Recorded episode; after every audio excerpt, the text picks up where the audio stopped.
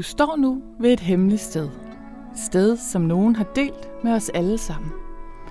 Læg mærke til træerne omkring dig. Hvad ser du? Er der blade på træet? Eller måske stedsegrønne nåle? Hvad hører du? Rasler det i træernes kroner? Eller måske er der helt stille? Hvordan dufter der? Mærk træstammens ro bark under dine håndflader. Fornem bladene mellem dine fingre. Hvordan opleves det inde i dig?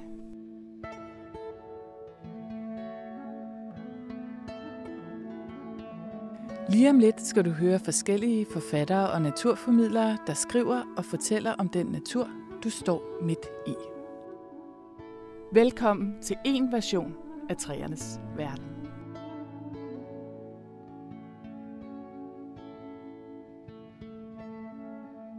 Naturvejleder Anja Vensil Hørnel giver her et indblik i træernes fascinerende verden.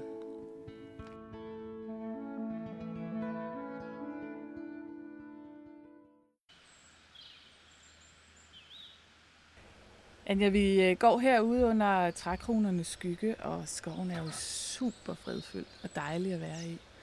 Man kunne sige, at skoven giver liv, men skoven også tager liv. Hvad tænker du om det?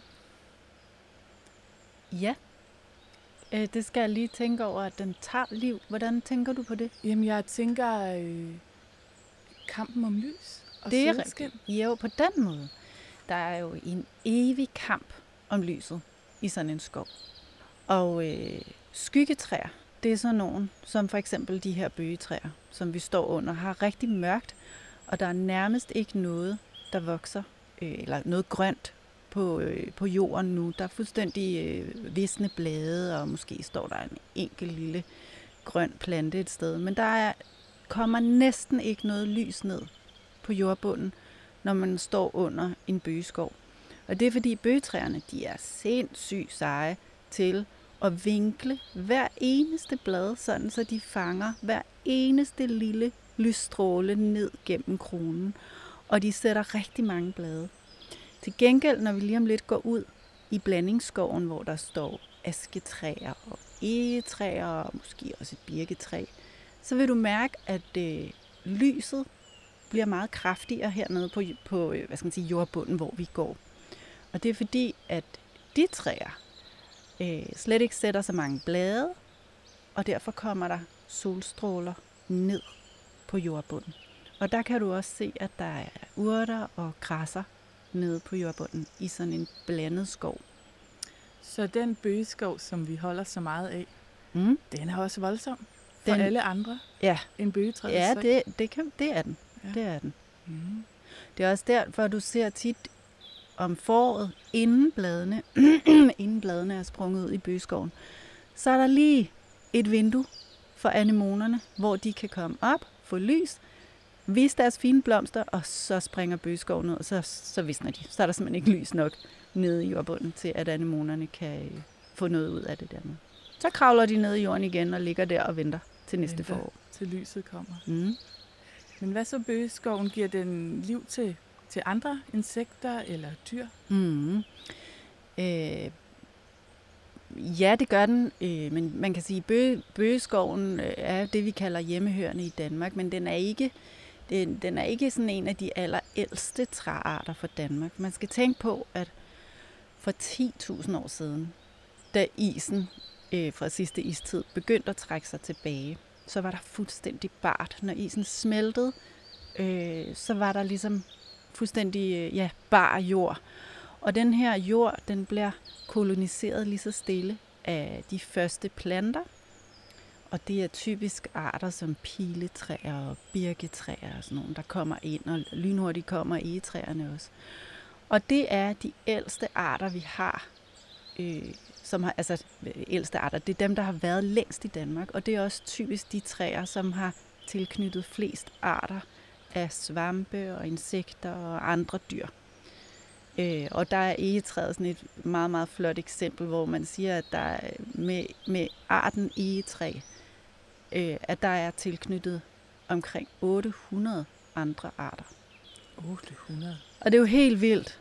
Ja. Øh, hvor for eksempel øh, mange af vores havetræer og indførte arter, for eksempel et, et, godt eksempel, synes jeg, er syrener kender vi alle sammen. De dufter dejligt og har smukke blomster. Men det er en indført art, og der er faktisk ikke rigtig nogen øh, insekter eller andre arter i Danmark, som er tilknyttet syrenerne. Det vil sige, den er ikke sådan kritisk for vores biodiversitet her i Danmark. Det er egetræet. Ja, og hvad er det egetræet gør? For man tænker jo typisk, at den har noget har blomster og øh, giver liv til insekter af den vej. Hvad, hvad gør egetræet for Mm. andre? Nu siger du 800 arter, det må mm. jo Mm. være meget forskelligt. Ja, det er det. Men hvis man tænker på øh, hele egetræets livscyklus, så, start, så kan man starte med et lille æren, der jo er egetræets frugter eller frø. Og æren kender vi alle sammen nogen, der spiser. Det kan være, det ved jeg ikke, om du selv kommer i tanke om noget. Det kunne det være et æren. Det kunne godt være det, ja. For eksempel. Øh, der er også mange fugle, der spiser dem. Og øh, det er jo en ting, kan man sige, at frøet bliver spist af andre dyr. Så har vi bladene på egetræerne, og der er rigtig mange insekter. Og øh, ja, nu gik det ikke op. Der er insekter, som, øh, som lever af egetræets blade, spiser i det. Så har egetræet jo så heldigvis også et forsvar mod alt det her. De har en masse garvesyre.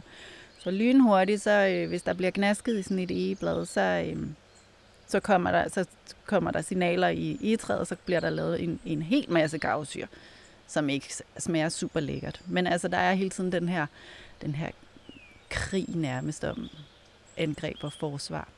Men der er mange øh, insekter, som lever af bladene, og så er der øh, grenene, der kan Der er jo masser af øh, fugle, som bygger reder i træernes grene.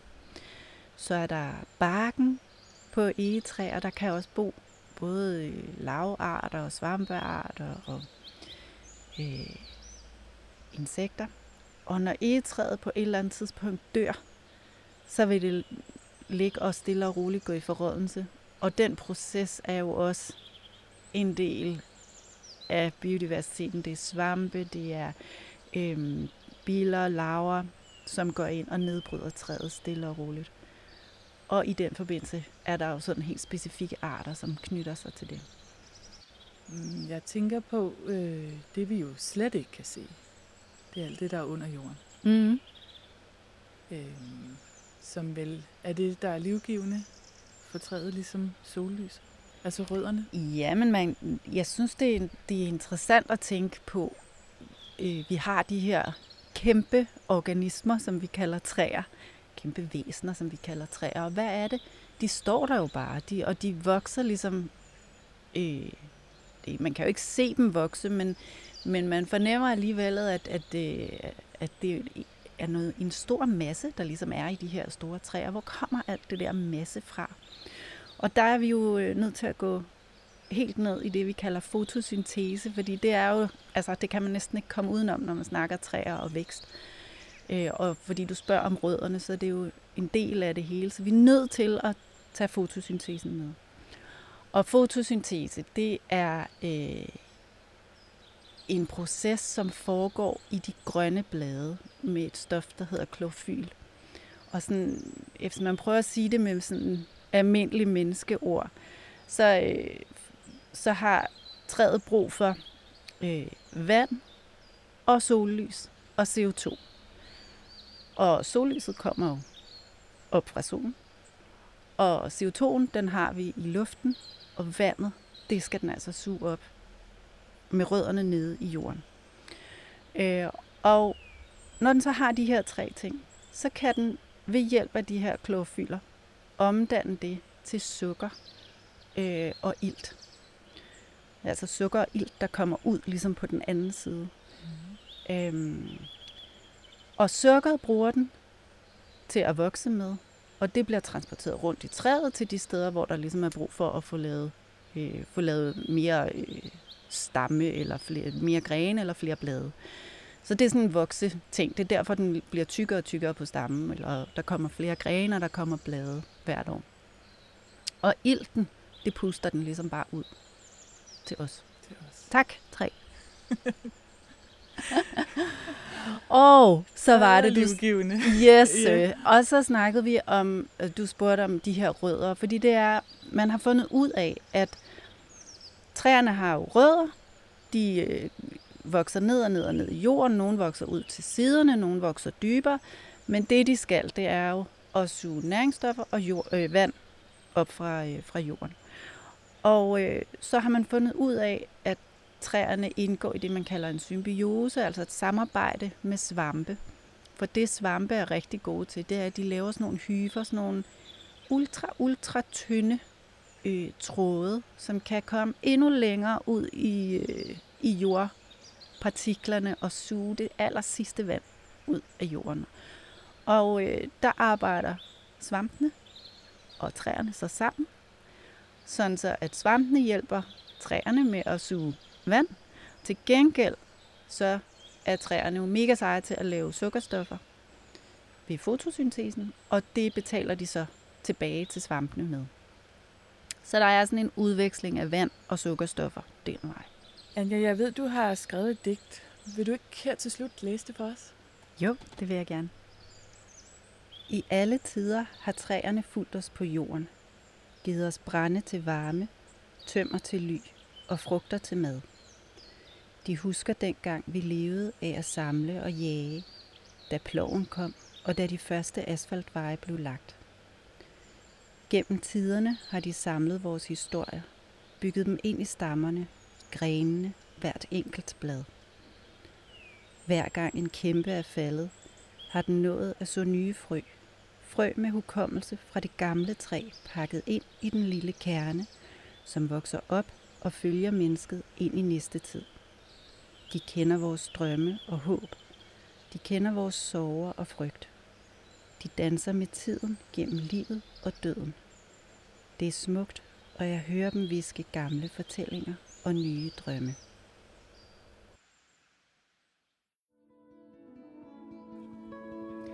Det er ikke kun forskere, der skriver om naturen.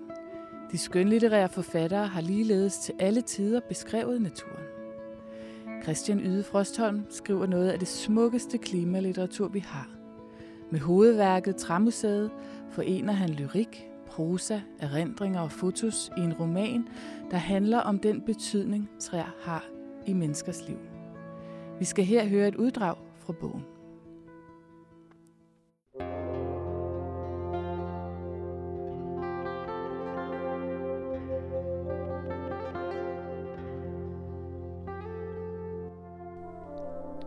I det skarpe sollys, som kun ligner over bakken ved middagstid, går jeg så længe og ser på træerne, at deres silhuetter står fotograferet bag øjenlågene.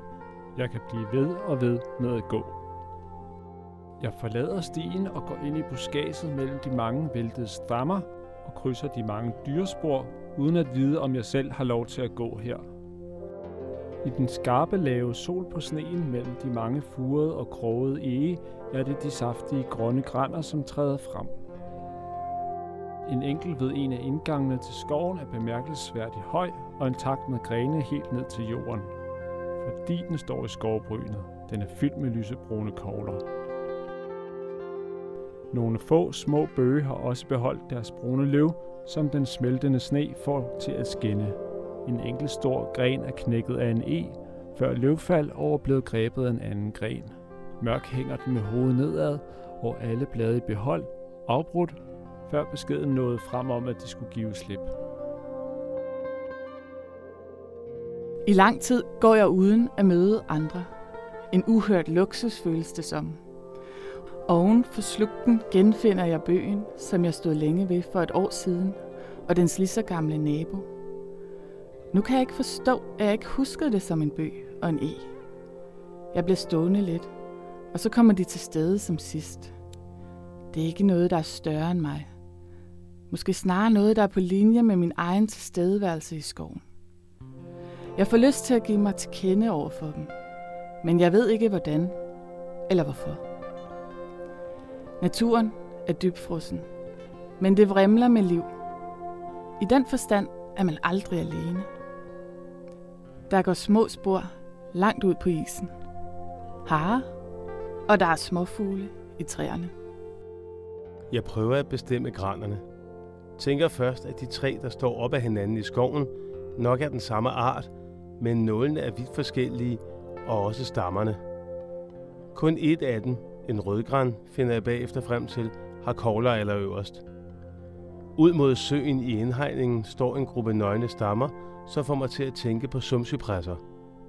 Jeg tør ikke våge mig ud til dem. Elletræer må det være. Der er et eller andet ved synet af deres sorte silhuetter og de smukke skovfyre i solen mod den frosne stribede sø, der rammer mig. Som om der bor en tristrid dybt i mig. Som alt dette taler til, men uden at trække mig ned. Jeg kan næsten bevæge mig fra den ene følelsesmæssige yderlighed til den anden. Mens jeg går, og når jeg kommer tilbage fra, hvad der skulle have været en lille tur, mens solen var fremme, er det som om, jeg har været på en rejse.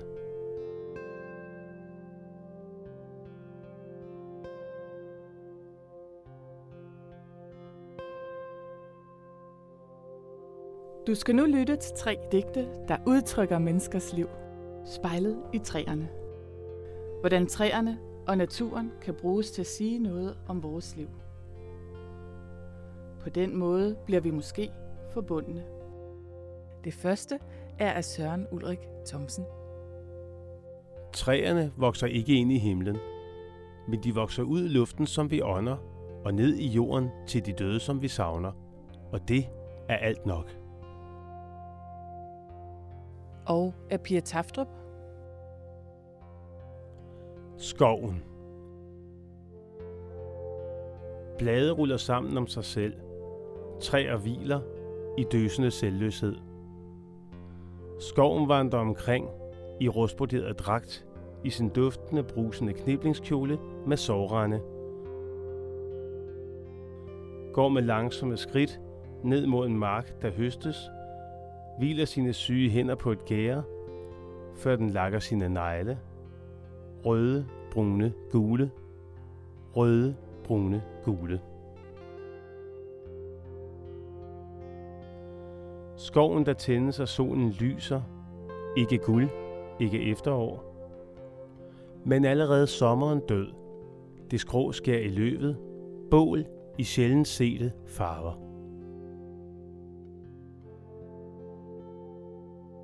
Til sidst, Frank Jæger. Træet som du er. Uventet springer træet yndigt ud, står mærkeligt i andres blinde vinter og af et forår, ingen kunne vide.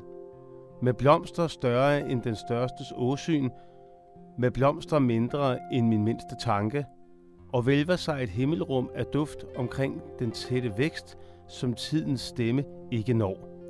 En skov af dette træ, en skov, som kun er lys med kun én skygge igennem.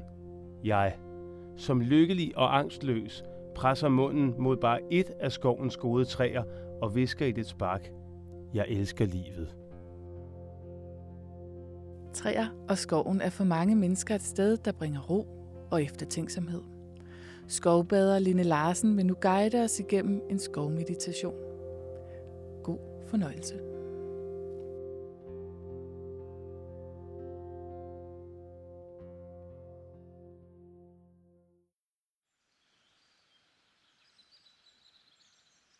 Jeg vil guide dig gennem en skovmeditation, som sænker dit blodtryk, dit hjerteslag bliver langsommere, dit humør bliver bedre, du sover bedre om natten, og du får mere ro i kroppen. Find dig et spot i det grønne rum, i skoven, i haven eller et grønt område, et sted, du synes, der virker rart. Sid gerne på et tæppe. Sæt dig godt til rette og sid gerne med bare fødder, så kan du bedre mærke jorden og grounde dig. I dag har vi alt for travlt i vores hjerner. Vi skal fra hjernen og ned i kroppen og mærke vores sanser. Vi skal lære at være i nuet, ikke fortiden, ej heller fremtiden, men i nuet og opleve der, hvor vi er lige nu. At være i det grønne rum giver dig ro. Og nu til meditationen. Håber, du sidder godt. Sid med bare fødder. Mærk jorden under dig. Forestil dig, at dine fødder slår rødder. Slår rødder ligesom træerne. Gør dig det behageligt. Og sæt dig godt til rette. Træk vejret dybt ind gennem næsen og pust langsomt ud gennem munden. Vi laver den lige sammen. Træk vejret dybt ind gennem næsen og pust langsomt ud gennem munden. Du må gerne lukke øjnene. Vær nu opmærksom på stillheden i skoven. Lyt til skoven omkring dig. Måske kan du høre fuglene. Måske kan du høre noget i krattet. Måske kan du høre bladene svisken. Måske kan du mærke vinden. Mærk efter, om det er varmt eller koldt.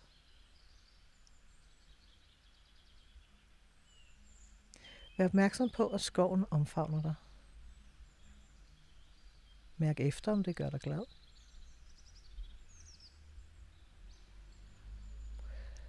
Mærk efter, hvad du mærker lige nu.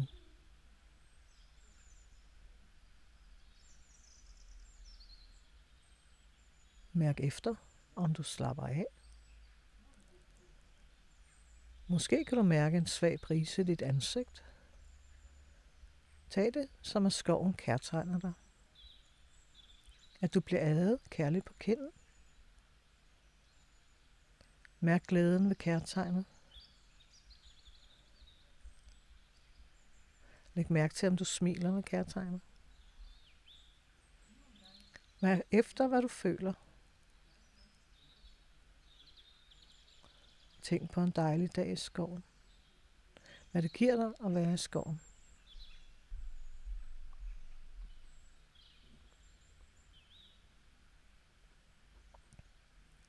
Gå nu tilbage til din vejrtrækning. Træk vejret dybt ind gennem næsen. Og pust langsomt ud gennem munden. Træk vejret dybt ind gennem næsen. Og pust langsomt ud gennem munden. Mærk din brystkasse hæve og sænke sig. Mærk, at ilten kommer rundt i hele kroppen. Kan du mærke den gode fornemmelse i, at du kan ånde? At du kan trække vejret frit? Mærk ilten giver din krop ro, og du bliver fredfyldt. Træk vejret dybt ind gennem næsen og pust langsomt ud gennem munden. Træk vejret dybt ind gennem næsen og pust langsomt ud gennem munden. Mærk at luften kilder næsen.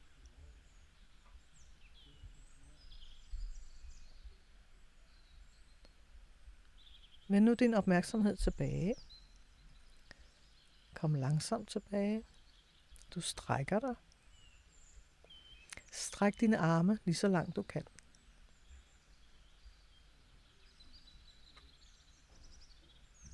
Stræk din nakke og mærk, at den løsner sig. Stræk dine ben.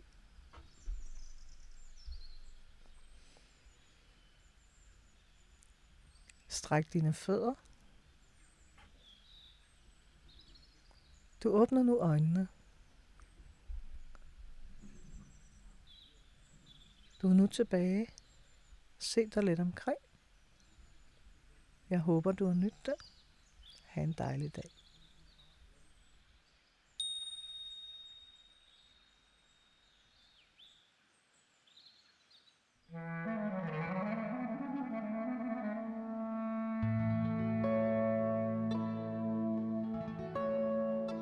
Tak fordi du lyttede med, og tak til alle dem, der har bidraget til denne podcast. Du hørte uddrag for følgende digtsamlinger. Søren Ulrik Thomsen, Nye digte, udsendt på Gyldendal i 1987. Pia Taftrup, Springflod, udsendt på Borgens Forlag i 1985. Frank Jæger, Morgens Trompet, udsendt på Vivels forlag i 1949, samt fra romanen Træmuseet af Christian Yde Frostholm, udsendt på forlaget Politisk Revy i 2018. Musikken er komponeret og spillet af Peter Bastian og Stig Møller. Podcasten er tilrettelagt og produceret for Edal Bibliotekerne af Nils Ulrik Schack, Marie Vestring Olesen og Michael Visby Jensen. Optagelse og teknik Lars Falk, Baby Factory. Hemmelige steder er støttet af udviklingspuljen for folkebiblioteker og pædagogiske læringscentre under Slots- og Kulturstyrelsen. Har du lyst til at bevæge dig længere ind i træernes fascinerende verden gennem litteraturen, så læs mere om hemmelige steder på dit lokale biblioteks hjemmeside. Tak fordi du lyttede med.